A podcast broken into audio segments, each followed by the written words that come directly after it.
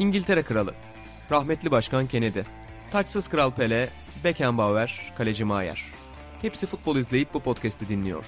Sokrates FC, denemesi bedava.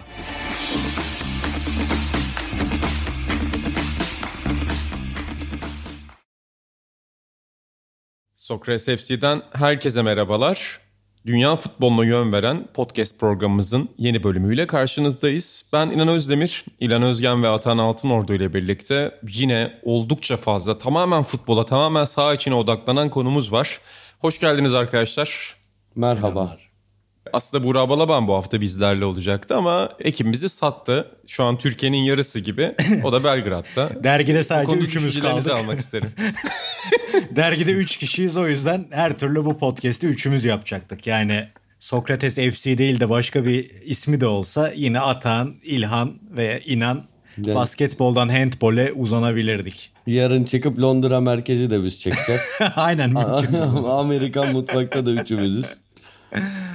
Peki gerçekten şu an spor medyasında kalan çok az insan var. Onlar arasındayız. Yani neleri yapalım Sokrates önümüzdeki günlerde var mı bir projeniz yap- yapabileceğimiz? Belki bir Formula 1 programı yapabiliriz. Bir NBA programı yapabiliriz. Zaten ne zamandır bunun zaten yolunu gözlüyordu. Ben Formula 1'e ba- Böyle varım. projede- Sokrates'te arabalarla arası en iyi olan 3 adamız çünkü. Motor, araba, debriyaj her konuda acayip bir seviyedeyiz. Uçururuz. Yani ne Netflix'teki o belgeselden sonra yeni bir soluk gelir F1'e. Baba sen de bir Nelson Piquet programı yaparsın. Ne diyorsun? Özel. Özel. Nelson Özel. Her şeye varız Baba yani. senin ehli- e- ehliyet vardı ama sen Var var baba? evet. Metin Özgen'in zoruyla aldım ama yani araba kullanmanın bana göre olmadığını çok erken yaşlarda anladığım için bulaşmıyorum. Özel şoförüm Özlem Özaydın'la seyahat ediyoruz. Atan bana sürekli şey diyor. Ya inan gel şu ehliyeti alalım bak. Ben yazıldım. Kursa yazılalım bak. Yazıldın mı? Ha, Baba Başladı mı dersler? başlamadım. Yazıldım sadece. yine bir yoklama krizi yaşatma da Türkiye eğitimine. Yaklaması falan yok ya. Da o işte kitap kitap bunları açıp çalışmak lazım. Bunu yapacak mıyım bilmiyorum. Bakarız artık. Çalışsam bile onları nasıl hafızaya açacaksın ben oradayım yani. Valla çok uzun zamandır ders mers öyle bir şey çalışmadım. Çok uzun herhangi bir şeye çalışmadım yani. Bakalım. Atan en son hangi yıl ders çalışmıştın hatırlıyor musun? Ya inan hatırlamıyorum. Hiçbir fikrim yok. Hiç yani çok çok eski. Fikrim yok. Yani Bilgi Üniversitesi çünkü seni şuradan tanır. Hep söylerim ben. Ya bence üniversite tarihinin en önemli hamlesidir. Ben kağıt isteyecek adam mıyım yoklamada insanları rahatsız edip diyerek arka sıralarında oturduğun derslerde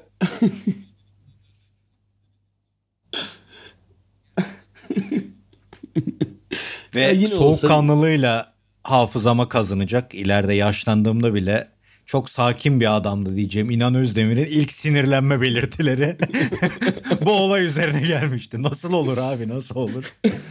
Hakikaten ilginç. Sonra da o enerji içeceği olayını yaşadık birkaç ay sonra.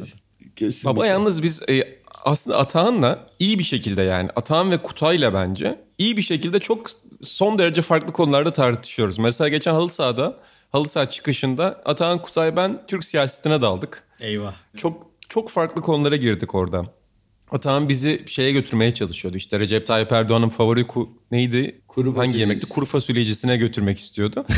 E, Biz tabii siyasi duruşumuz gereği gitmedik e, oraya. Kutay'la metro, metrobüs yürürken de gündemi tartıştık biraz işte. Kemal Kılıçdaroğlu, Ümit Özdağ, farklı konular, işte ulaşım, zamlar inanılmazdı. Yani hem hararetli hem de çok besleyici bir tartışmaydı.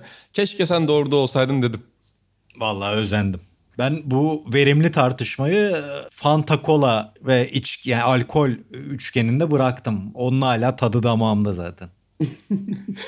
yani sizi köşeye kıstırmıştık ki bir anda sırtımızdan bıçaklandık Atahan'la. İnanılmaz bir tartışma. Gerçekten gerçekten inanılır gibi değildi. Fanta cevabı Kutay'ın. Bir Kutay Ersöz özetiydi. Unutulmaz bir şeydi. O gün de vardı tartışmamızda. Yani tartışma derken diyalog. Yoksa fikir ayrılığı yok.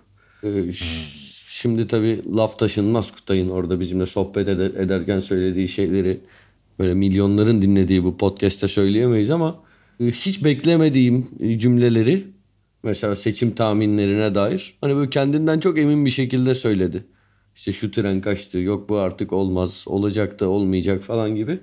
Yine Kutay'dan radikal cümleler duyduk. Ama özlemişiz Kutay'ı. Kesinlikle. Ee, Sokrates FC'nin farih bir ismidir o da. Böyle denir mi? Saçma oldu cümle ama o da bir Sokrates FC üyesidir bizim kalbimizde ve gönlümüzde. Zaten daha önce Türkiye'yi kasıp kavurmuştu Atahan'la birlikte yaptığı Süper Lig podcast'i. Farih nedir abi? Buradan Fahri üye falan diye bir tabir yok muydu ya? Yanlış mı biliyorum? Fahri, Fahri. olabilir mi o? Fahri Tamam işte onu diyorum. Fahri. Ha. Fahri. Farih diyorsun sen. Olur mu öyle? Ya dönüp kayıtlara bakarım Atan. Şimdi seni rezil ederim burada ama neyse. Zaten geçen hafta arkamdan konuşmuşsun. İnan- yok dolandırıcı, inan yok şey- kalpazan falan filan. O bir. İnan şeyi hissettim Atağan'ın karalayıp sonra yok yok tasih yok doğru notu. Ee, bu burada onu sözel halini yaşadık. Hayır fa- abi Farih demedi mi Sarih gibi ya? Yani ben Fahri'yi anladım ama Öyle mi? evet. Ben tamam belki ben yanlış Naçizane. Belki ben yanlış Ya Atan bu, bu kayıtlara bakılacak. Sevgili Sencer Olabilir bakacak. iddiam sevgili yok ama Gökhan iddiam bakacak. yok benim. Sen hazır buradayken şu kalpazan olayı kalpazan olayı deyince tabii aklımıza cenereler geliyor. ee, Aman hocam. şu kalpazanlık olayını bir anlat ya. Ne yaptın 100 lirayı veya bir cevap hakkı tanıyorum sana. Hakikaten orada Ee, çocuğa Ya ha o uta- utanç verici 100 lira yani sahte 100 lira ki ben yani anlamamıştım. Biri bana kakalamış 100 lirayı. Hala cüzdanımda duruyor abi ve çok üzgünüm bu konuda gerçekten. Çünkü geçen gün Ali Çolak'la ofisten çıktık. Ali Çolak'la biliyorsun Fener yolunun muhtarlar arasındayız. Yani buralarda dolaşıyoruz. Pazara gidelim dedik. Pazartesi günüydü abi. Özgürlük Parkı'nın orada çok güzel bir pazar var. Öykü de tatil günüydü tam. Öykü ben Ali pazara doğru yürüyoruz. Kredi kartı geçmiyor biliyorsun pazarda. Yani bazı reyonlar dışında geçmiyor. Tezgahlar dışında. Abi ben 150 liram var sanıyorum. İşte Öykü'de de 75 lira var. Ali'de de 90 lira var. Diyoruz ki herhalde bir şeyler alırız bununla birlikte. Yani para çekecek bir yer de bulamadık. Abi sonra bir gittim pazara 100 lira o sahte 100 liraymış. Bende kaldı 50 lira. Yani domates alıyoruz, biber alıyoruz. işte böyle frank maydanozu bir şeyler bir şeyler. Hani 3 lira 5 lira. Abi sürekli başımdan aşağı kaynar sular dökülüyor. Param yetmeyecek, param kalmayacak, bir şey olacak falan diye. Ya o 100 liranın Allah belasını versin. Yine bana çok acılı bir gün yaşattı. Ben onlara da yedirmeye çalışsaydın da dayak yeseydin. Tüm, tüm kalbim tüm kalbimle söylüyorum ki bir ara aklımdan geçti bu düşünce. Hayda. Yani böyle tam senlik bir şey yapabilirdim. Hayda. Ee, sevmediğim bir insana falan ama yapmam tabii. Bir dakika. şey. Denemedim Senlik yani. Bak derken- Ali ve Öykü bile Senlik derken Yok, ne yapacağız biz? Sahte 100 lira mı vereceğiz insanlara senin gibi? Niye benlik? Ben hiç bunu kabul etmiyorum. Ha hoş ya sevmediğin geçmişte, insana yaparsın. geçmişte yok yapmam. Bu para işi ayrı bir şey ama geçmişte Bir tek bana bunu borç düşün, takar. bunu düşünmüştüm. Ya muhtemelen sizin bildiğiniz bir anım var bu konuda. E, Ama önce seni Evet. dinlemek isterim sonra anlatırım. Yok bu kadar abi yani o 100 lira duruyor. Bak bugün yine bir kafeye gittim. Az kalsın para verecektim. Benim o 100 lirayı ya birine böyle 25-30 lira karşılığında satmam lazım. Talipler çıktı. E, ya da çöpe atmam lazım. Şu anda kararsız kaldım. Yani dinleyicilerimiz ne yapar? Geçmişte nasıl tecrübeler edindi bilmiyorum ama bu rolü kaldırmak istiyorum üzerinden. Yani yanlışlıkla vermem dışında kaleciye o 100 lirayı hiç kimseye vermedim abi. Peki sahte Peki olduğunu niye- kim niye- anladı bunun? Kaleci anladı anında. Abi Helal bu olsun. 100 lira Kaleci anladı. evet anında dedi. Abi bak bunu kimseye verme. Bu sahte canın sıkılır başın belaya derde girer dedi. Hani böyle kibarca bana mı yedirmeye çalışıyorsun be Allah'ın belası e, demenin. Lanet olası. Evet güzel bir örneğiydi. İnan peki eve gidince Google'a hemen sahte para nasıl anlaşılır diye yazdın mı? O, o inanılmaz başlıklardan kesin çıkar bir şey. Ya baba kesin çıkar da ben hiç öyle şeyleri yazmıyorum ya. İnsanlar çok öyle şeyler öğreniyorlar da ben böyle cahil kalmayı tercih ediyorum. YouTube'da da bana seninle yani- favori içeriklerimiz vardır ya. Müslümanlığı bırakan ünlüler. Hangi ünlü şöyle böyle inanılmaz içinde aslında bir şey olmayan muazzam başlık. Bu ben sevgililer tarihini de çok severim. Mesela işte Taylor Swift'in 20 sevgilisi, işte bilmem nenin geçmişteki 10 sevgilisi. Öyle içeriklere bakmaya bayılıyorum. Benim en sevdiğim galeriler onlar. Keşke Sokrates'te de yapılsa öyle içerikler. Buradan çağrımızdır Sokrates YouTube kanalına. Gençlik fotoğraflarından kim olduklarını bilme olayını çok seviyorum. Bir ara ilginçleri derleyip size soruyordum hatırlar mısınız böyle 2017 falan gibi. Evet evet hatırlıyorum. Sen çok seviyorsun o konuyu. Şey şu şeyi anlatmak isterim kısaca. Bir gün işte benim de elime sahte 100 lira geçti. Şöyle geçti hatta. Akşam poker oynayacaktık. Arkadaşlarımızdaki bunlardan bir tanesi de Fatih Demireli'ydi. Birçoğu tanıdığınız isimler. Fatih ile buluştuk Mecidiyeköy'de. Hatta kulüp binasında mı ne işimiz vardı Galatasaray'ın. Ali Samiyan sokakta işte ya bir yerde buluşup Beşiktaş'ta Ali Samiyan sokakta taksiden indik. Onu hatırlıyorum. Ben yeni para çekmiştim. Hiç üstümde nakit yoktu taksiye verelim diye. 100 lirayı uzattım. Adam dedi ki bozuk yok mu?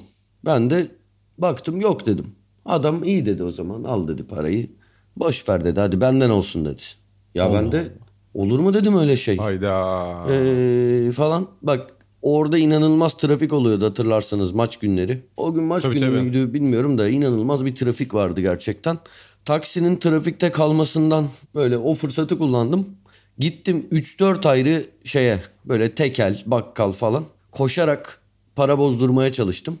Bozunuz var mı dedim. Hiçbiri hani bozuk isteğime karşılık vermedi. Daha parayı veremeden yok dediler. Geri çevirdiler. Taksinin peşinden koştum. Söyledim abi dedim bak ben şey yapmaya çalıştım. Bunu bozmaya çalıştım. Bozamadım. Kusura bakma falan dedim. Tamam kardeşim canın sağ olsun ya dedi falan. Zahmet etmeseydin dedi. Gittim. Fatih'le işimizi bitirdik. Oradan bizi başka arkadaşlarımız aldı. Galiba İsmail Şenol'un arabasındaydık hatta. Sonra bir yere gittik. Sigara alacağım. Baba hikaye Martin Scorsese filmi gibi bu arada. Aynen, yeni ve ün- ünlü bir karakter giriyor hikayeye. Sigara aldık. Şey de o gün Kaan abi de bizimle po- poker oynamıştı. Kaan Kural'la tanıştık. Podolski de çıkacak. Godfather. Podolski gece bekliyor masada. Neyse. Tekel'deki adam bana bağırdı. Utanmıyor musun falan dedi böyle. Dedim ne oluyor? Utanmıyor musun bu parayı vermeye sahte bu. Ya dedim ne sahtesi sensin sahte manyak mısın kardeşim dedim böyle. Bayağı gerildim çünkü bankadan çektiğim para. Herifle bayağı kavga ettik. Yani gerçekten böyle bayağı sinirlendim ben öyle bir şeyle suçlanmaya. Çok sinirlendim. İşte araya arkadaşlar girdi bir şey oldu falan filan. Sonra baktılar para sahte. Hakikaten yani bizimkiler de adamın diye olayı oldu. Ya o arada işte dank etti böyle bir 5 dakika sonra falan tekelden de uzaklaşmıştık. Yani taksici 100 lirayı aldı bana başka 100 lira verdi. Orada el çabukluğuyla. Çünkü başka bir ihtimal yok. Neyse hatta neyse çünkü bütün detayları geçiyorum. Aldım koydum 100 lirayı cüzdanın başka bir yerine ve şeyi düşündüm. Hani bu parayı nereye verebilirim? İşte bi- bilmiyorum ilk defa tecrübe ettiğim için akbil yüklemeye çalıştım almadı. Bankamatik almadı. Ama yani bir 100 lira da büyük para. Şimdi gerçi bozuk para oldu ama o zaman büyük paraydı. Ben de tam bir şaka düşünüyordum böyle olan 100 liranın değersizleşmesi üzerine bir gönderme yapalım falan diye. Levent Kırca yaptım zaten. orada post bıyıklarıyla gülümsedi bize rahmetli. En son işte son çare işte dükkana gittim babama. Baba dedim yani zaten dükkana yemek yemeye gitmiştim. Baba dedim bu 100 lirayı dedim işte taksici dedim kakaladı bana da falan bunu dedim kime yuttururum. Babam böyle bir gülümsedi falan bana. Şaka yapıyorum zannetmiş. Sonra baktım şey, sonra baktı ciddiyim. Hani böyle soruyorum soran gözlerle bakıyorum falan. Sen ciddi misin dedi. Evet baba dedim ya benim bir günahım yok ki dedim şimdi 100 lira ne yapalım dedim. Yani şey mi yapalım bizden mi çıksın? Ya dedi hiç dedi senden bekleme. Kıpkırmızı oldu böyle. Biz seni böyle mi yetiştirdik dedi. Yerin dibine girdim dedi. Aldı parayı böyle yırttı. Bana da bir tane 100 lira uzattı. Tabii alamadım utancımdan. Yani bir süre babamla bunun gerilimini yaşadık. Öyle böyle bir anım var. Ya, Yani rahmetli Helal Hamit Usta ile işte. Atağan'ı dövse bu kadar etkili olmazmış. Muazzam bir hareket yapmış Allah rahmet. Valla orada ders almıştık. Sene galiba 2015, 2016 falan. Gerçi Evet evet dergi vardı ben Evet. hatırlıyorum senin azar azarlanmış haliyle ofise geldiğini hatırlıyorum yani. Ama yani 100 lira da gerçekten koymuştu orada. O taksicinin hareketi. Neyse bir daha olsa senin gibi yapmıyoruz en azından. Geç de olsa öğrendik. Artık umarım sen de ders alırsın. Yalnız ikimiz de atan anıyı yani FC standartlarına bağlamak için futbol detayı koymuşuz gibi oldu. Sende Ali Samiyan var. Keşke Ali Samiyan'ın adını kirletmeseydin. Keşke kulübün kurucu babasının adını kirletmeseydin ama kirlettin. Bende kaleci var. Yani bu anıyı da bağlamış olduk bir yerden spora. Ee, senle Aklıma, birlikte ki. aklıma Zeki Demir Ben- röportajı geldi. Yok yanlış geldi. Demir Yok şey miydi? Kimdi? Kimdi? Berkun Oya. Ber, Ha, Berkun Berkun Oya. Oya. Doğru Zeki Demirkubuz için zaten evet. gerek yok fut, spora bağlamak lazım diye zaten sporla fazlasıyla ilgili biri. Bu da herkesin bilmediği Aynen o şey. bağlıyordu Berkun. ne dedin? ne dedin?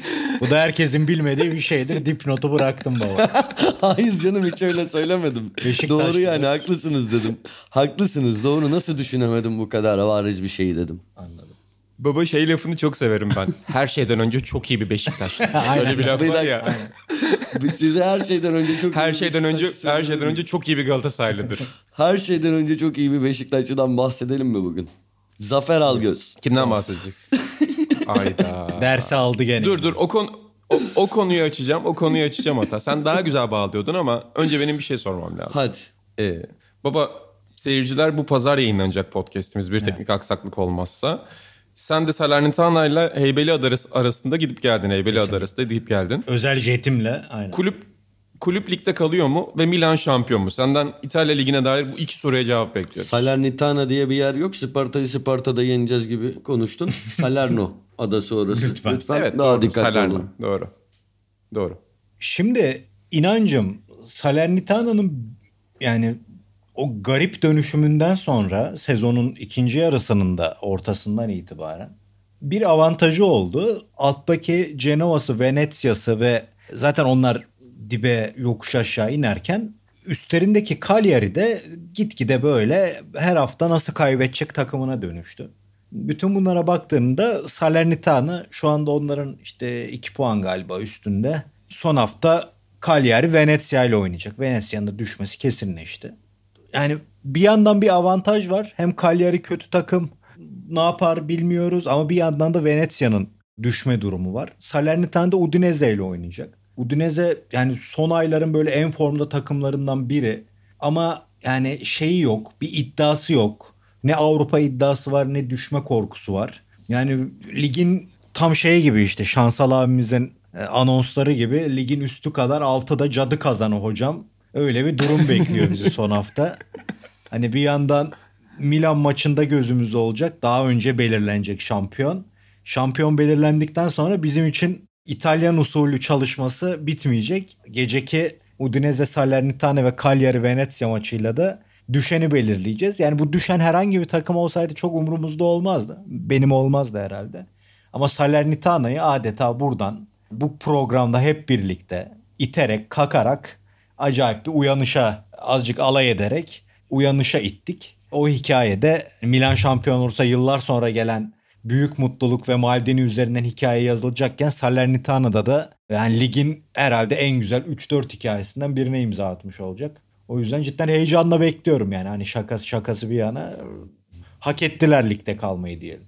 Ben de gerçekten heyecanla bekliyorum. Son birkaç haftada maçlara bakmaya çalıştım. Bu geçen hafta mı? Ondan önceki hafta mı? Bu sonu bir türlü bitmeyen bir maç vardı ya. Aynen em, Empoli maçını diyor. Uzadı. uzadı da uzadı sürekli vara gidiliyor geleniyor. O maça bir yandan da başka bir işim vardı. Yayınım mı vardı hatırlamıyorum. Sürekli bir yandan ona bakıyorum bir yandan öbürüne bakıyorum. Yani garip bir mutluluk ve heyecan doldurdu içimize. Peki Milan'ın şampiyonluğunu çantada görüyor musun yoksa tehlike var mı? Var tabii ki canım çünkü Sassuolo ile oynuyor. Yani Berardi denen adam tekerlekli sandalyede tendon ameliyatından sonra otururken bile Milan'a gol atabilir. E, ama burada şöyle bir şey var. Yani Milan çok zor bir fikstüre girmişti. Biz de Buğra ile konuşurken ben Inter'i bir adım daha önde görüyordum. Çünkü Milan Atalanta ile oynayacaktı ki Atalanta bence form olarak en güçsüz rakibiydi. Verona ve Fiorentina gibi çok tehlikeli ligin orta sıra takımlarıyla kapışacaktı ki ikisinde de özellikle Fiorentina'da biraz zorlandılar da. Kalecinin hatasından golü buldular. Ama yani özellikle Verona maçında ve son maçta Milan Atalanta maçında hakikaten şampiyon gibi oynadı. Çok baskılı, çok tempolulardı. Ligin lig boyunca çok görmediğimiz bir Milan iştahı vardı. O yüzden yani burayı böyle kazasız belasız atlatarak büyük bir işe imza attılar. Sassuolo'yu da yenebilirler diye düşünüyorum ama yıllardır çok ters gelen bir takım ve ters gelen bir oyuncu var.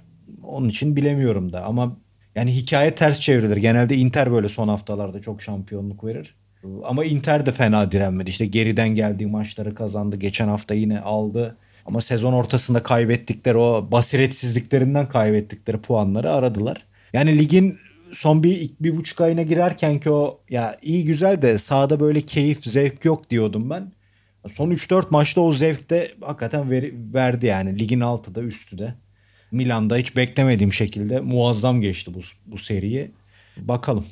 Kesin diyemiyorum ama Ya çok İtalya- avantajlılar. Ben bu kadar avantajlı gele- gelemezler diyordum buraya. Bir puan kaybederler bir yerde diyordum. Ya ben İtalya Ligi geri döndü diyorum açıkçası. Kesinlikle. Herkese. Gözümüz aydın. çocukluğumuzdaki o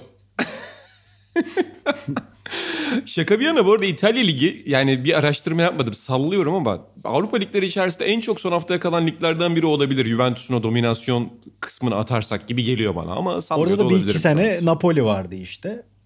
Onun dışında çok böyle 2000'lerin başında işte Lazio'nun şampiyon olduğu sene öyle.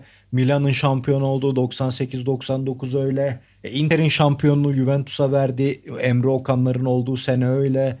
Böyle son haftalarda çok hikayeler yazıldı. Belki ondan zihninde öyle kalmıştır yani. Kesin öyle. Bir de İngiltere Ligi neyse ki bu sene her ne kadar benim çok umudum olmasa da son haftaya kaldı. E, Ama daha kopup giden bir lig son yıllarda. Almanya zaten oynanmıyor futbol anlamında. Sezonun başında şampiyon belli. Dolayısıyla o açıdan iyi oldu yani. Bu hafta ekran başındayız. Twitter'dayız özellikle. Salernitana taraftarlarını, Salernitanalıları bekliyoruz. Sokrates FC dinleyicilerini bekliyoruz. E, Her Kenetlenmiş türlü bir şehir var. açığız.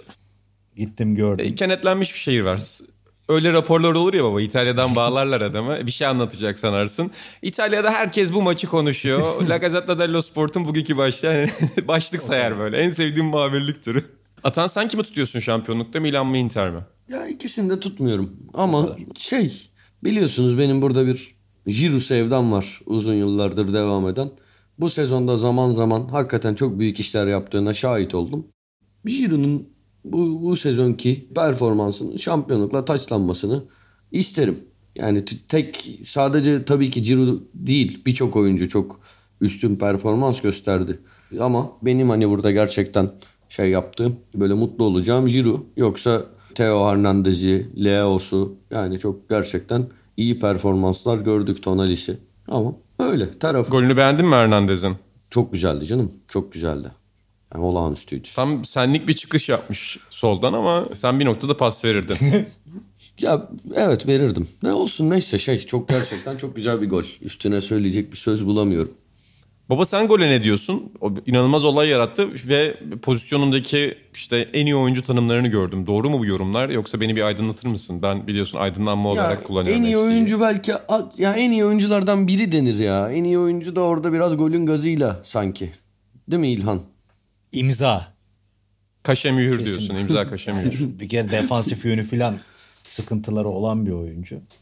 Yani o çok coşku yaşanıyor ya. İşte yeni Maldini diyor. Ya Maldini'nin hiçbir zaman böyle milleti geçe geçe şut attığını ya da o kadar asistli kombinasyonu. Onun temposu çok önemliydi. Savunması muazzamdı. Ters kademede Coverciano'da adamın videoları ders olarak gösterilir. Ama yani Hernandez gol atınca aynı Maldini diyorlar. Kaç tane Maldini'nin böyle golünü gördün? Yani atmıştır da. Daha Ama hücumcu bir ikisinin çok büyük bir ortak noktaları var biliyorsunuz. İkisi de sol bek. İşte aynen onu diyorum. yeni Maldini olayı. Yani ikisinin de orijini sol bek bunu söylemek isterim. Bu bazen tartışılıyor. peki peki. İlhan bir Bunları anlatıyoruz gene tekrarlıyorlar. şey, onun için bıraktım. Peki İlhan bir takımın var. Oyuncu seçiyorsun. Theo Hernandez'i mi alırsın, Lucas Hernandez'i mi? Ya Teo'yu ben daha çok izliyorum ya şimdi. Ona daha yakınım yani. Öbüründen koptuk iyice. Ama yani diğer türlü buralara gelmeden evvel diğeri daha iyi oyuncuydu tabii yani. Hani Ba- Bayern'di değil mi hala o? Evet. İşte bazen böyle bir arada mesela Venus Williams, Serena Williams'tan çok daha iyi oyuncuydu. Ama Al işte, içinde buyur. değişiyor. Yarın hemen bir tenis podcast'i beyler. Hazır Aras'ta yok. Sporun her disipliniyle etkileşim halindeyiz. Öyle arada çıkıyor bilgiler. Ne yapalım? Taşıyor. Evet Atan bak bir tenis podcast'i de yapabiliriz. Çünkü sen Gael Monfils'i de çok seviyorsun. Yanlış hatırlamıyorum değil mi? Monfils hayranısın. Monfils bizim bizim adamımız Monfils. Daha ortada yoktu biz çok seviyorduk. Gerçi hiç ortaya da çıkmadı ama olsun. ben ben çok büyük bir potansiyel görüyordum onda ama izlemesi keyifli. Şimdi şimdi Carlos Alcaraz var aslında. Carlos Alcaraz'ın yükselişiyle ilgili sen keşke Aras'ta yokken bir podcast yapsan. Aras yok, Buğra yok. Bak hasta yapabilirsin. Caner abi yok. Yani bizim tenis tarafı da boşta şu anda. Sen alabilirsin orada idareyi. Yapıyorum yarın hadi bakalım. Tamam yarın baba git ofise kaydet. size size bir- size bir şey söyleyebilir miyim? Bir gün Tabii. Galatasaray'da çalıştığım dönemde Rasim Zayimoğlu diye eski devlet bakanı bir adam vardı. Adam şeyi iddia ediyordu. Galatasaray'ın UEFA kupası almasının en önemli pay sahibi benim diyordu. Ya böyle abuk subuk bir şeydi. Neden olduğunu hatırlamıyorum da. Abuk birine bir mektup mu yazmış bir şeymiş yani bunlar bilinmiyor gelin bunları anlatacağım falan. Böyle evine davet etti. Güzel bir siteye etilere gittik. Hani mecbur. Hatta böyle şey falan ben hayatımı kitap yazacağım. İşte bak Atahan kardeşim istersen sen yaz falan böyle böyle şeyler söylüyordu. Orada biri geldi. Otururken selamlaştılar işte. Aa Rasim Bey şöyleymiş böyleymiş falan. Rasim Bey de bizi tanıttı. Arkadaşlar dedi işte de medyadan geldiler işte röportaj yapacağız. İşte şöyle bir projelerimiz var falan bir şeyler dedi. Kadın da bana dedi ki ya dedi benim de dedi kızım tenisçi. Ve hani çok potansiyel vaat ediyor bak yaşında çok başarılı falan. İsterseniz dedi ilgilenirseniz işte medyada daha fazla yer bulmasını istiyoruz falan. Ben kaydettim ama hiç sallamadım. Ya dedim niye böyle bir kadının bir kızın annesi gelmiş de röportaj falan. Yine de telefon numarasını kaydettim Çağla Tenis diye. Çağla Büyük Akçay. Keşke yapsaydık röportajı. Çok küçük küçük. o gün pek umursamadım, üşendim ama yapmak isterdim böyle çok genç yaşında röportajı. Bugün bakınca... İnan ana öyle bir gidiyordu ki ben Şarapova çıkacak sandım. Yani devlet bakanı, mektup, UEFA kupası. Baba inanılmaz olurdu. İnanılmaz olurdu ya. Bu adamı yıllardır inanılmaz tanıyoruz olurdu. ve hala ben acayip de... anılar çıkarıyor. Yani bu nasıl bir anı abi yani. Yemin ederim telefonumda Çağla Tenis diye kayıtlı hala. Peki Çağla Büyük Akçay olduğunu arayarak mı öğrendin? Yani belki başka bir Çağla. Yok canım ça- şey Çağla Büyük Akçay zaten. Anladım. Yani profil fotoğrafından da her şeyinden de. Ya kısa bir süre sonra zaten ondan bir sene sonra falan kızı görüp şeyde hani başarılarını falan aa bu o kız diye hatırlamıştım. Öyle. Biliyorsunuz Baba, bir de böyle Melih Yani zaten hakikaten tenis...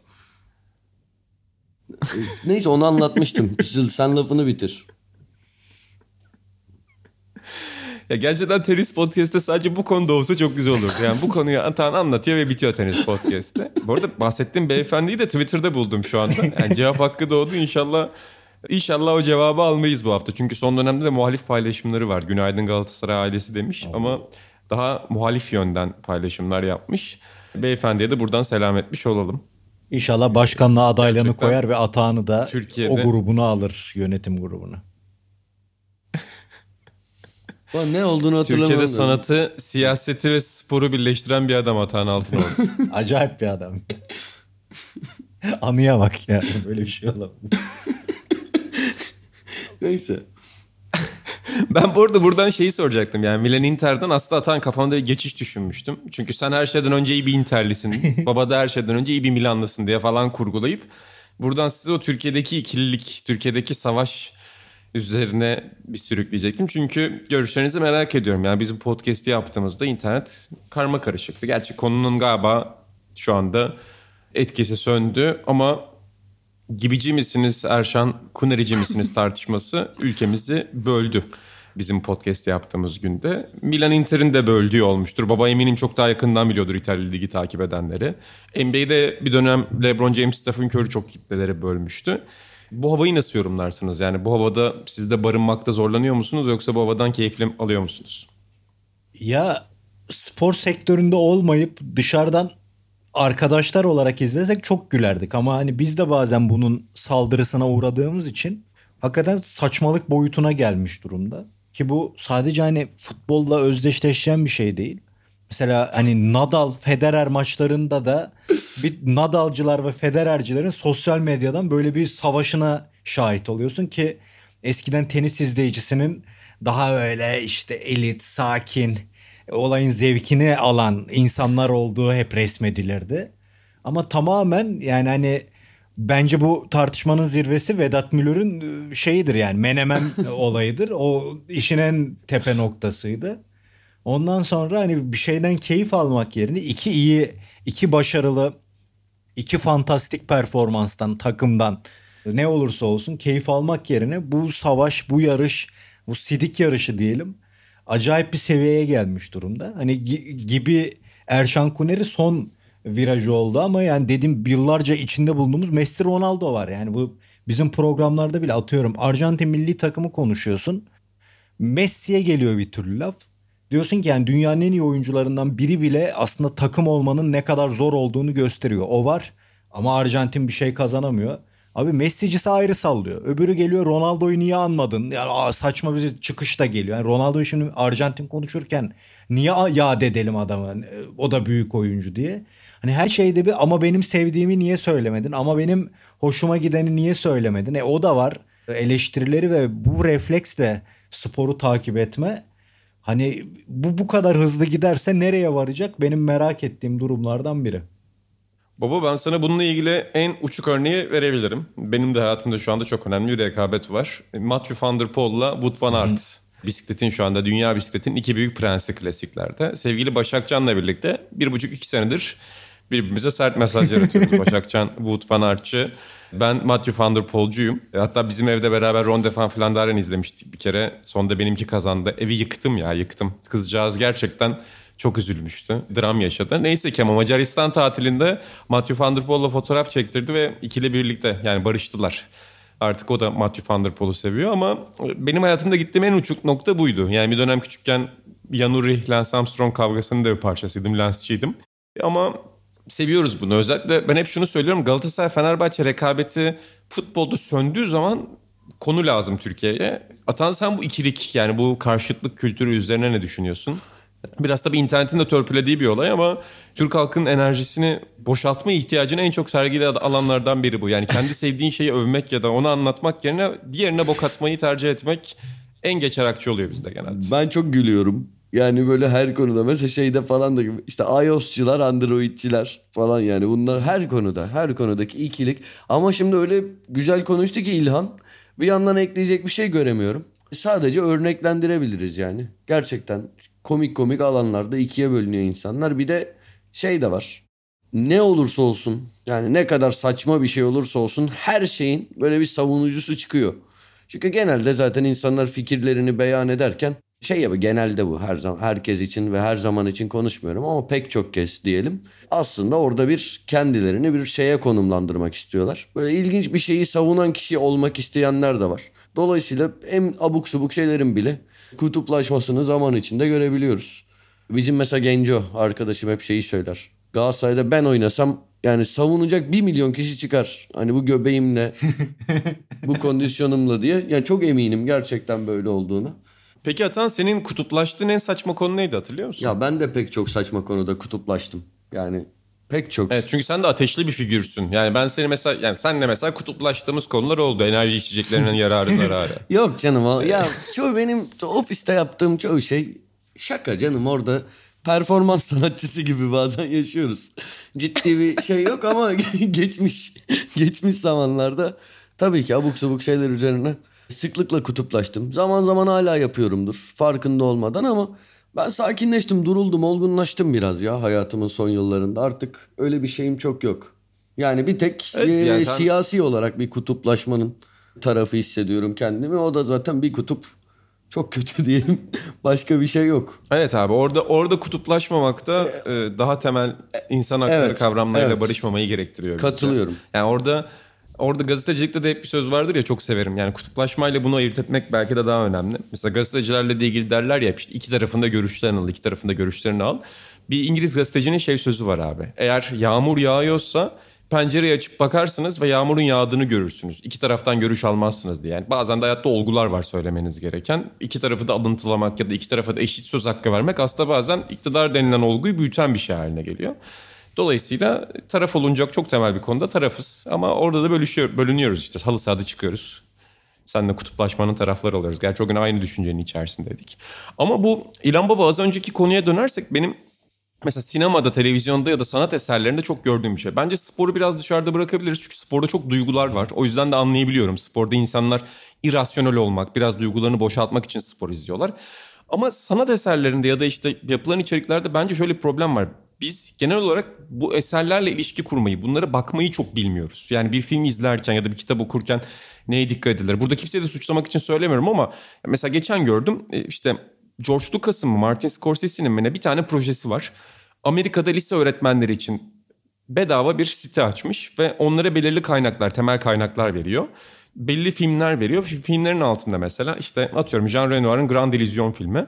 3 sayfa 4 sayfa not hazırlamışlar. Martin Scorsese ve arkadaşları. Muhtemelen başkaları yaptı ama şeyi anlatmak istiyor. Öğrencilere şu soruları sorun. Bu sorulara verdikleri cevaplar üzerinden şu konuları tartıştırın. Eserin şu noktalarına mı vurgu yapıyorlar, bu noktalarına mı vurgu yapıyorlar. Böyle herkes aslında yakalayabilecek bir şey hazırlanmış. Bir ders içeriği hazırlanmış. Mesela bizde işte ortaokulda liseden itibaren falan bu tip şeylerin olmaması da çok etkiliyor. Yani üniversite nadiren aslında bir tartışma kültürünü gördüğümüz yerlerden biri. Ama onun dışında aslında biz şeylerle yani kendimiz dışındaki şeylerle çok ilişki kurmayı bilmediğimiz için de sanki bu tartışmalar biraz böyle o mu bu muya çok yöneliyor. Güzel açıkladın. Mümkündür. Üniversitedeki ortam dediğinde aslında çok doğaçlama oluşmuş. Hiçbir yön gösterenin olmadığı kendiliğinden oluşan ortamlar. Yani orada da atıyorum baskın iki karakter yine insanları o, o refleksle peşinden sürükleyebiliyor. Yani onun düşündüklerini düşünmek istiyorsun ya da herhangi bir sanat eseriyle ilgili yorum dinlerken o boşluğu doldurmak için yine bazılarının fikirlerine yöneliyorsun filan. Öyle durumlar oluyor ama evet haklı olabilirsin. Onu özellikle kitap okumada çok konuşuruz ya hani ya da bir, bir içerik okumada hani bilgiyi almak yerine bildiğini tekrar okumayı, bildiğini katmerlemeyi, bildiğini Onaylanması. onaylamayı e, sevme refleksi de var. Evet, haklısın. Mesela sen iki hafta önce Senior'un kapanışında bundan biraz bahsediyordun. Hani spor tarihine, futbol tarihine dair kes, keskin cümleler. Hani onlar yerine izlemek, Aynen. sürekli işte bakmak, okumak, araştırmak o çok daha iyi bir araştırma yolu aslında. Senin o söylediğin nokta bu konuyu çözmek için çok ideal yollardan biri. Seyircilerimiz de bakabilirler. Dinamo Kiev bölümünden bir önceki bölüm, soru cevap bölümünün son 5-6 dakikasında kendi yöntemini anlatıyorsun. Gerçekten çok güzel bir yöntem. Çok güzel kapatmışsınız orayı. E sonra ama Kiev'le birlikte beni karşına aldın. Yani Lobanovsk ve Dinamo Kiev bölümüyle birlikte beni karşına Senin aldın. uzmanlık alanın olan o sınırlara girdik. Bir de yani Sovyet futbolunu kötülemişsin baba. Video da izleyemedim burada kusura bakma ama izleyeceğim merak ediyorum. Yok orada da aslında senin seveceğin başka bir şeyi anlatıyoruz. Yani sonuçlar ya da sahadaki futbol yerine zihinleri açan uygulamalara bakmak lazım. Tarihten bir şey bakarken bazen diye. Biraz da oraya giriyoruz. Ama bu müzikte de misal ben ben de kutuplaştığım şeyleri anlatayım. Ben de müzikte çok fazla yapardım. Yani Led Zeppelin mi Deep Purple mı? Atıyorum Jimi Hendrix mi daha iyi, Stevie Ray Vaughan mu daha iyi? Yani gençken 20'li yaşlarda hiç tartışmadıysam toplam bir 30-40 saat bunun tartışmasını yapmışımdır. Halbuki Sende bir de şey vardı galiba İlhan. İşte virtüözlüğe böyle çok fazla bir önem atfediyordun gibi kalmış aklımda. Yani atıyorum adam güzel müzik yapıyor ama şeyi çok yok. İşte o müzikal ustalığı, böyle dehası, ekstra yeteneği çok yok. Sanki onu küçümsüyordun diye kalmış aklımda. Doğru mu? Yanlış olabilir. Yani e, virtü yani karşılaştırdığın şey de şimdi bazıları mesela şey yapıyor. Tarihin en iyi 20 gitaristi Kurt Cobain orada. Yani buna hala kızıyorum da atıyorum yani Hani şimdi Deep Purple'la Led Zeppelin'i niye karşılaştırıyorsun? İkisi de çok iyi işte. İkisi de çığır açmış. Hani niye bunun tartışmasını yapıyorsun be İlhan? Bugün baktığımda onu söylüyorum. Ki ikisini de çok severim halbuki ama herhalde böyle o şartlar onu gelemez. Jimi Hendrix mi Stevie Ray Vaughan mi? İkisini de çok dinliyorum. Hala dinliyorum. Hani niye hangisi daha iyi? Birisi daha iyi vokalist falan falan. E tamam abi işte ikisini de dinliyorsun neticede. Onlar garip geliyor bugün baktığımda. Sporda bir takım tutmadığım var. dönemde çok yaptım mı onu hatırlamıyorum yani. Ona çok bir şeyim olmadı. Kutuplaştığım Bir sorun var sana. Soratan. Şimdi mesela Kurt Cobain'den örnek verdin. Ya atıyorum ben Nirvana pek sevmem, dinlemem de. Hı. Diyelim ki böyle bir yandan sevebileceğin müzik yap, yapan bir grup. Belki de seviyorsundur seni bilmiyorum. Yok sevmem. Fakat sadece böyle bu tartışmalar işte Kurt Cobain yakışıklı diye bir şekilde böyle daha medyaya daha cool izlenimler verdi diye atıyorum şu anda böyledir diye söylemiyorum. Onu gerçek bir virtüözün işte önünde tutan geniş bir kitle var. Bu seni Nirvana'dan soğutur muydu? Sevdiğin bir grup üzerinden düşün bunu. Yani bazen şu da var bundan kaçamıyoruz. Bazı şeyler öyle itici seviliyor ve savunuluyor ki ondan keyif alabilecekken alamadığın oluyor. Ben bundan kaçınmaya çalışıyorum ama kaçamadığım anlarda oluyor. Sende de oluyor mu? Burada ama neredesin? Yani bir şey böyle sevecek kadar çok biliyorsam, dinliyorsam zor ama öncesinde bir ön yargı konusunda oluyor. Yani mesela ben Beatles'ı çok uğraştım sevmeyi. Sevmiyorum, sevemiyorum. Olmuyor yani o ama çok sevdiğim bir grup popülerleşti mi de böyle bir soğumam olmamıştır ama başta bir şeyim olur. Misal onu ben inana pandemide mesaj atmıştım. Çıplak ayaklı kontes filmi. Ya biz çocukken bile mahalle arasında bunun şakası yapılırdı. Atıyorum bir kadın çocuğunu kovalıyor terlikle dışarı çıkmış öyle aman bu da çıplak ayaklı kontes denir gülünürdü. Yani çok popüler kültüre Türkiye'de her türlü işlemiş bir filmdir. Ben bu yüzden bu filmi yıllarca izlemedim. Sonra bir gün dedim ki ya izleyeyim. Ya Humphrey Bogart'ı da çok severim ve filmin girişine büyülendim. Ya bir roman gibi açılıyor. Muazzam bir giriş var filmde. İzlemediğime çok pişman olmuştum. Hatta direkt inana yazmıştım bunu da. Pandemi döneminde izledim. Daha yeni yani. Ki yani o dönemin Hollywood yapımlarına çok meraklıyımdır. Ben de itme durumu böyle oluyor. Yoksa misal kim ya yenilerden öyle çok sevdiğim de sonra öyle bir grup da yenilerde yok ama yani gene dinlemeye devam ederim ama bilmiyorsam çok iyi olsalar bile bir of ya bunda amma ağza sakız ettiler bir yeter anasını satayım mevzusu oluyor. Ya bu arada yani az önceki tartışma istinaden bu o mu bu mu tartışmaların bir kısmı da bayağı eğlenceli oluyor. Ya yani biz kendi aramızda da onları çok yapıyoruz. Ya da yani mesela hani insan, kendi kendine yaptığımız şeyler de işte e, geçen gün Ali Çolak bir şey şakası yaptı bana mesela ki bu asla yapmaması gereken bir şakaydı ama Joachim Trier'in bir filminden bahsederken işte ben Lars von Trier'in bir sözünü örnek verdim. Şey diyor Joachim Trier'le ilgili daha yetenekli olan Trier diye bir şaka yaptı. Şimdi bunu bana yapmaman lazım. Çünkü gerçekten sinir uçlarıma dokunan bir konu oldu. Çünkü büyük bir Lars von Trier hayranıyım. Orada mesela Fatih Terim'in şey videosunu attım. Hani biz adı geçen kulüplerle aynı sayfada değiliz, hiç olmadık. Öyle bir ünlü videosu var ya, rütbemiz farklı. Yani böyle tartışmaları kendi aranda yapmak çok güzel ama sorun biraz şey olmaya başladı galiba. İşte Silikon Vadisi de bunu çok kaşıyor tabii ki. Çok konuştuğumuz bir konu ama zaten insanlar böyle kıyaslamaları yapmayı seviyor. Bir de sosyal medya bu tip bir keskin ifadeyi ödüllendiren tarzda kurgulanmış bir şey. Yani sonuçta reaksiyon almanın yolu bu. İnsan büyüdükçe daha sıkıcılaşıyor ve büyüdükçe biraz böyle ya işte ikisi de güzel ya da ikisi de kötü ya da ikisi de ortalama demeye başlıyorsun. Ama aslında o da çok popüler bir ifade biçimi değil. Yani daha ifade, daha popüler olan ifade biçimi daha keskin bir şekilde bir şeyin niye çok iyi olduğunu başka bir şeyin kötülüğü üzerinden ya da başka bir şeye bindirdiği tur üzerinden anlatmak. O biraz internetin yarattığı şeyle birlikte galiba çok büyüyor, büyüyor, büyüyor ve bir noktadan sonra sıkıyor. Yoksa aslında temelde kendi aramızda yapmanın eğlenceli olduğu konulardan biri. Zaten bu görsel keyifleri, görsel eğlencelerinin aslında temelinde olan bir şey. Yani izlediğin filmi, izlediğin maçı bile bir öncesiyle, bir sonrasıyla, oyuncu performanslarını bir öncesiyle, bir sonrasıyla karşılaştırman da zaten temelinde bunu getiriyor yani. Hani karşılaştırma ve daha iyi olana karar verme kendince ya da arkadaş grubunla. İşin temelinde var ama iş yani işte onun getir götürünü yapar, onun şunusunu busunu yapar kalıplarıyla çok güzel anlattın. Sosyal medyayla bambaşka bir yere gelmiş durumda. O, o sertlik, o üsluptaki kesinlik çok ilginç geliyor. Bu arada baba sana da sorayım. Senin yaptığın en saçma kutuplaştırıcı tartışmayı hatırlıyor musun? İki şeyi kıyasladığın tartışma. Kola Fanta'dan bahsettik az önce balık yerken. Orada sizi sıkıştırmıştık hala. Onu bir kenara bırakıyorum. Gene orada Neyi? sizi sıkıştırmıştık. Kazanacaktık o tartışmayı ama çok bıçaklandık arkadan. Yani. Yani Sokrates tarihinde o kadar insan aynı fikirde olmamıştı. Uğur Ozan'ından arasına, Atağan'ından İlhan'ına. Kutay'ı da arkamıza almıştık ki balık fanta. Hem de böyle plasede, plasede uzlaşmıştı. Yani herkesin söyleyeceği konuda değil de aslında tam Kutay'ın savunabileceği böyle plase cevapta uzlaşmıştık. Ama Kutay durur mu? Yani ömrünün bir Yapıştırdı Fanta döneminde cevabını.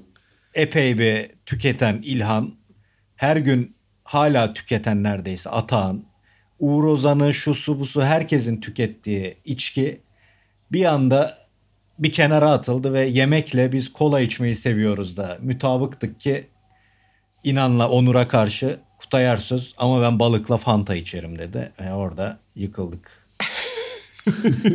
Baba bu arada o tartışmanın yani işte balık ve et üzerine işte atıyorum şöyle bir eşleşme vardır ya kırmızı şarap beyaz şarap. Hani rakının evet yemekle birlikte meze dışında kültürel etkisini de kenara koyarsak rakının çok öne çıkan bir lezzet olduğu için çok domine eden bir lezzet olduğu için yemekle mantığı çok yok aslında.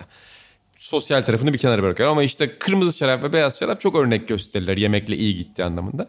Şey demiştim ben o gün hatırlıyorum. De, yani insanlık tarihinde şu anda işte Avrupa coğrafyasına falan belli başlı içki, içki içilen daha fazla tüketilen ülkeleri de koyarsak yani bu tartışmada bu kadar ezildiği bir yer yoktur. hani Fanta'nın da altına gitti tartışmanın sonunda kırmızı şarap ve beyaz şarap. Ben hep onu düşünürüm. Yani o günden sonra hala da bunu aklıma gelir. Mesela bir işte balık yaptığımızda evde fırında balık yaptığımızda yanında işte beyaz şarap açtığında falan hala aklıma kola ve Fanta geliyor benim. Ve gerçekten Sokrates tarihinin yani insanlar böyle spor tartışması falan yapılıyor sanıyor işte. En önemli 5 tartışmasından biridir. Muazzamdı. Ben de Samatya Meydanı'nda ne zaman balıkçıların oradan geçsek yani sek Atahan'la o kahkahamız aklıma gelir yani. Çünkü biz Atahan'la çok güldük. Ben to- konu nereye bağlandı hiç bilmiyorum. Yani ben o Ben balıkla Fanta içerimden sonra kopuğum. Ne oldu ne bitti hiç hatırlamıyorum yani. Yine de Sokrates tarihinin en unutulmaz tartışması bence Kutay Ersöz'le Aras Yetiş arasında geçen Çetin Tekindor iyi oyuncu mudur kötü oyuncu mudur diye 4 gün 16 saat 27 dakika süren bir tartışmaydı. Orada komik olan baba şuydu. En sonunda sevgili kulaklarını çınlatalım. Çok sevdiğimiz sevgili Orkun Yeşim o zaman bizde çalışıyordu. Aynı zamanda tiyatro ile ilgilenen, tiyatrolarda oynayan, yöneten bir insan. En son bu ikili dedi ki Orkun'a soralım. Orkun bir karar verici, bir hakim, bir hakem olsun. Orkun'a soruldu. Orkun hakikaten çok güzel yani Çetin Tekindor'un Kutay'ın eleştirdiği tarafla Aras'ın savunduğu tarafı muazzam anlattı. Okulundan, o tiyatro üslubundan tiyatro okuluna kadar. Ve bu ikili Orkun'un açıklaması bittikten sonra şu cümleyi kurdu. Bak ne dedim ben sana hani oradan da yine istediklerini aldılar. Muazzam bir. Yani kesinlikle inanılmaz bir tartışmaydı bu. Bir tanesi de aynı ofiste. Yani o ofis çok bereketliydi o anlamda. Çok sıkışık olduğu için herhalde birbirimize kızma ve birbirimize girme açısından daha idealdi. En zor sporlar listesi. O da çok önemli bir tartışmadır. Yani tartışmanın sonunda futbolun bisikletten daha zor olduğu iddia edilmiş ve ben yani az sinirleniyor diyorsunuz ama yine ateş başıma çıkmıştı böyle. Yani neler oluyor biz neyi konuşuyoruz falan filan diye. Ee, sevgili dostlarımızdan biri bugün çok andık bir daha ismini almayacağım. Ne var abi ben çıkarım o Fransa bisiklet turunun dağlarından bisikletle demişti ve ben artık o noktada dedim, dedim ben ki bu demedim tartışma değil mi bitti benim Yok. için. Yok Ben- sen Ben, demedin. tam abi. benim de Ya sen- söyleyebileceğim bir şeymiş de yani söylemem o ayrı. Canlı Belki o an gaza gelip söylemişimdir. 90 Avrupa Kupası finali 35 Dünya Kupası finaline canlı tanıklık ettim ama bu tartışmada maalesef orada değildim. Çok üzülürüm. Ben sinirli inanın üzerine geldim Tamam. yani. inan ne oldu oğlum sana ya? Kızarak böyle bir olayı anlatışını hatırlıyorum sadece. Canlı göremedim o tartışmayı.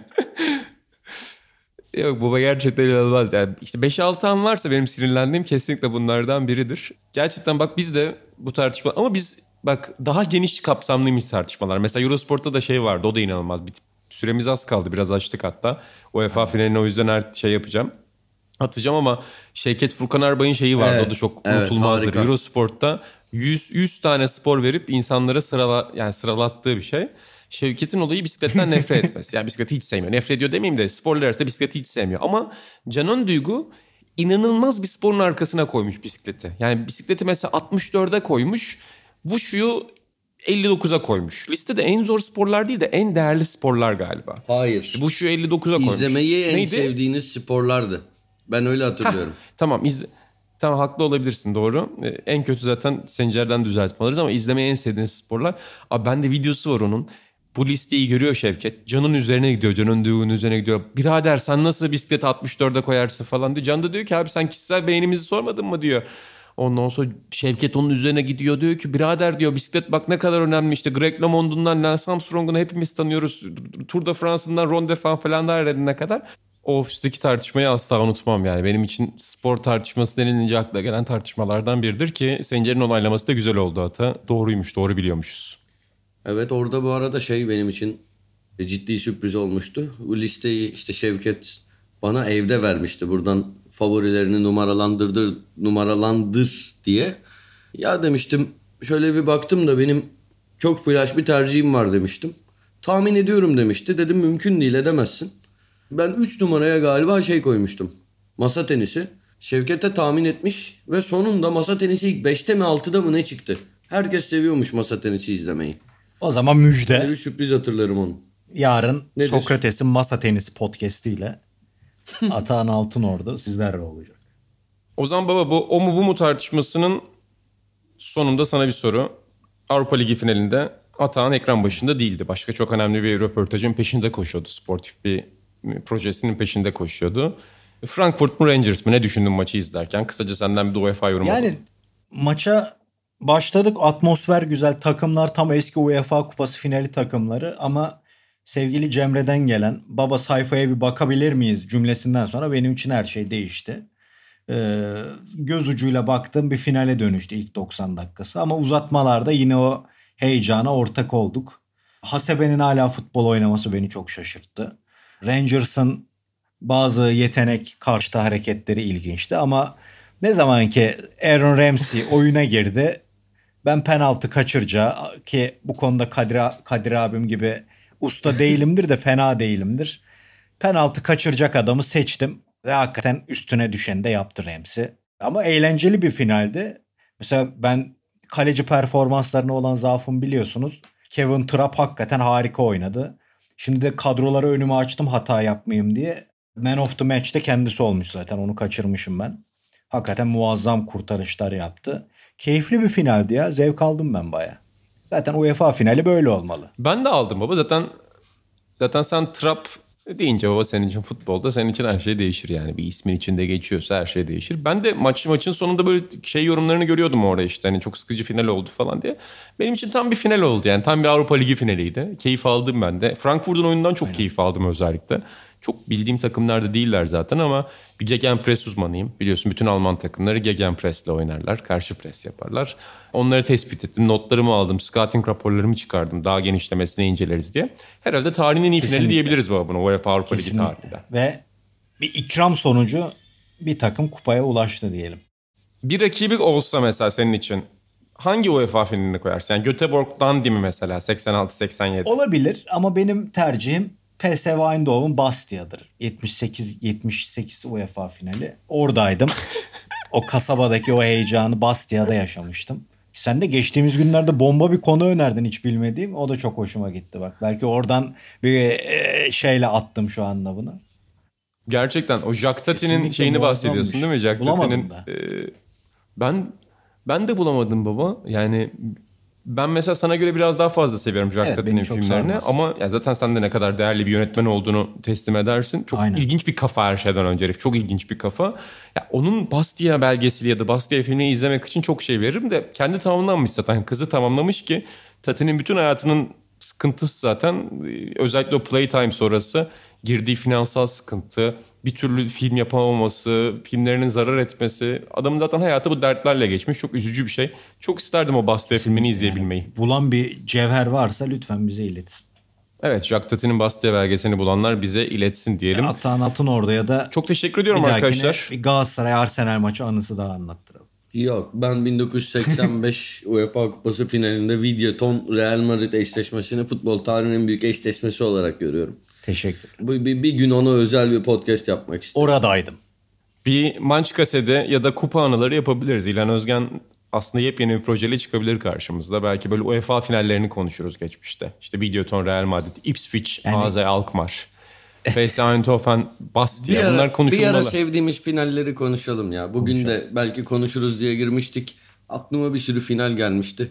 Bir ara bir ilerleyen aylarda, yıllarda. Zaten bir belki binin, birinci bölümde yaparız. Zaten bir konsept durumunu boşladık. Yakışıklı topçular ve unutulmayan finaller konuşulsun.